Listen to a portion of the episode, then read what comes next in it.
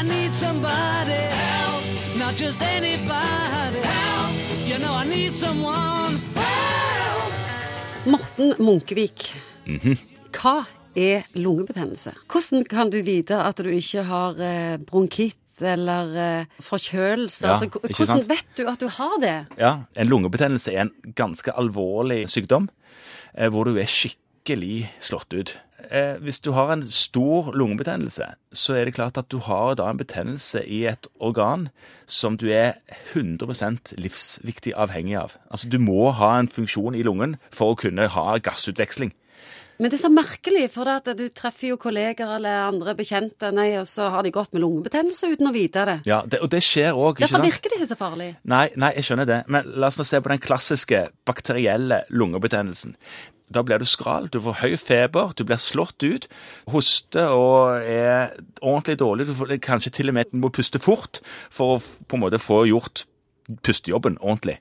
Da drar du til legen, du finner en høy sånn CRP, sånn infeksjonsparameter. Legen lytter på ryggen og hører lyder som ikke skal være der, bakpå de lungefeltene som er infisert, og du får antibiotika.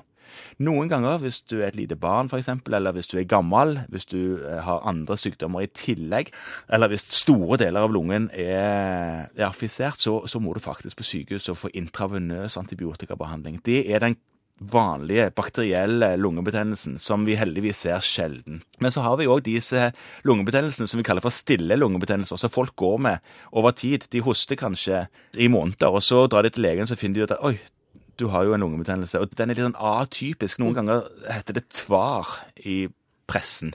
Og det er en sånn lungebetennelse som du må gjøre spesielle undersøkelser nærmest for å finne. Du tar tester, og du sender inn, og du får beskjed tilbake om at det er akkurat den typen bakterie. Denne stille lungebetennelsen, den, du kan sikkert dø av den òg, men det er ikke dødsårsak nummer fire i verden, altså. Men det er det som lager litt forvirring, vil jeg tro. At folk kommer med lungebetennelse, og så kan du enten på en måte ha den som vi snakket om først. Den bakterielle, klassiske, den, den kan du dø av, for den tar over så mye av eh, funksjonen til lungene. Sant? Men det er en god regel. Hoster du og harker du, ikke gå til legen før du har gjort det en del uker. Fordi hoste etter en øvre luftveisinfeksjon, en vanlig viral forkjølelse, Kan sitte lenge. kan sitte i lenge. Kan sitte i en måned, kanskje seks uker. Hvis du hoster over tre måneder, sier lungelegene, da kanskje det var ikke bra, dette må vi undersøke nærmere. Da kan det være den andre typen lungebetennelse. Er lungebetennelse smittsomt? Ja, men det smitter ikke veldig lett. Det er ikke øyekatarr som smitter nærmest bare du blunker hardt tegn. Det er ikke så mye en kan gjøre for å unngå lungebetennelse. Det er jo å holde seg unna de som er syke, sant? men noen ganger er ikke det så lett. For du, noen, noen går jo rundt med lungebetennelse av en sånn enklere versjon som ikke vet de er syke, og hoster de, så kan du selvfølgelig bli smitta. Men eh, å holde seg frisk går mye på god håndhygiene og et sunt livssett for øvrig. Må en alltid bruke antibiotika, eller kan en lungebetennelse gå over av seg selv? Det vanlige der er å bruke antibiotika, ja. Der skal en ikke vente.